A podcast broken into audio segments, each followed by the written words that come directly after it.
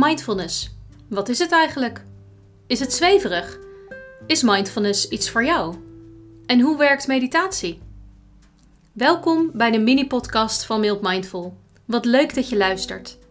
Ik ben Fimke en ik ben mindfulness trainer. En in deze podcast leg ik je van alles uit over mindfulness en mediteren, maar laat ik je ook zien hoe ik soms nog steeds in mijn eigen valkuilen trap. Benieuwd geworden?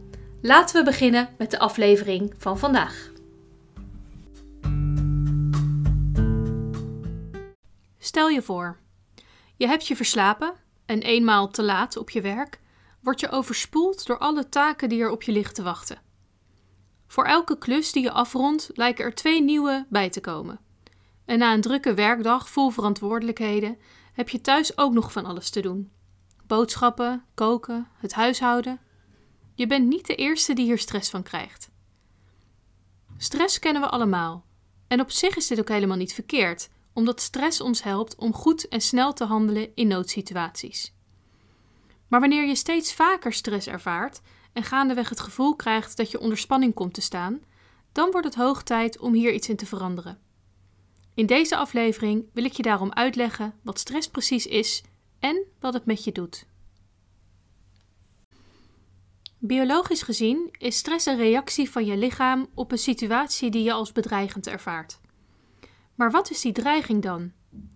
Wat voor de ene leuke uitdaging is, bijvoorbeeld bungeejumpen, kan voor de ander ontzettend stressvol zijn.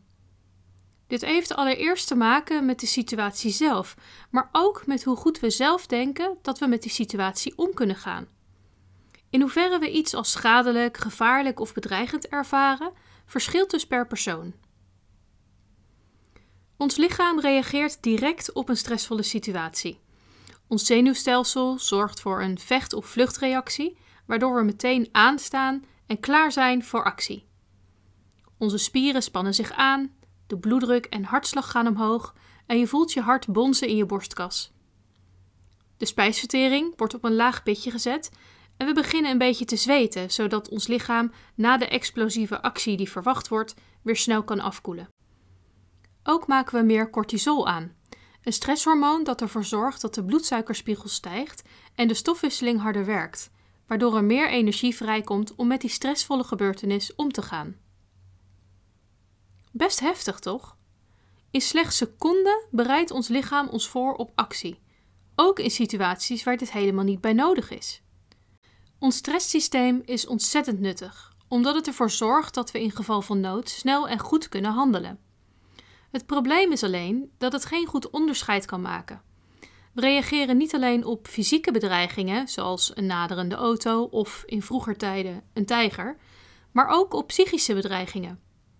En alsof dat nog niet genoeg is, gaat ons stresssysteem ook nog liever veel te vaak af dan één keer te weinig. Dus daar sta je dan, in de file, met al je stressreacties die je hebben klaargestoomd voor actie. Je bent gespannen, je hart bonst, en je hebt het warm, maar waarvoor eigenlijk? Ziektes die gerelateerd zijn aan stress ontstaan vooral doordat we ons stresssysteem veel te vaak activeren. Stress is bedoeld voor acute en fysieke noodsituaties, maar wij zetten het vrijwel dagelijks in werking als we piekeren over ons werk, onze relatie of over de hypotheek. Zoals gezegd zorgt het stresshormoon cortisol ervoor dat er bij stress meer energie vrijkomt. Maar al die energie moet wel ergens vandaan komen. Heb je vaak stress en is jouw cortisolniveau vaak verhoogd? Dan bespaart jouw lichaam steeds vaker op je immuunsysteem, waardoor je uiteindelijk vatbaarder en kwetsbaarder wordt voor ziektes. Een chronisch verhoogde hartslag en bloeddruk kunnen schadelijk zijn voor je hart- en bloedvaten. En daarnaast laat stress ook sporen na in je hersenen. We worden niet alleen vergeetachtiger en kunnen ons slechter concentreren bij stress, maar we ervaren ook vaker stress. Stress zorgt dus uiteindelijk voor nog meer stress. De boodschap is duidelijk: stress is niet gezond voor je. Gelukkig is er ook goed nieuws, want iedereen kan leren beter met stress om te gaan. Zo helpt het om problemen op tijd aan te pakken, maar ook sociale hulp vragen aan vrienden of familie kan ervoor zorgen dat je je beter voelt. Mindfulness en meditatie kunnen je daarnaast enorm helpen bij het beter leren omgaan met stress. Met mindfulness leer je je gevoelens, gedachten en je lichamelijke sensaties op te merken, zonder oordeel. Van daaruit kun je stress sneller herkennen en betere keuzes maken voor jezelf. En dat hoeven helemaal geen grote, levensveranderende dingen te zijn. Vaak zijn het juist de kleine keuzes of aanpassingen die je enorm kunnen helpen.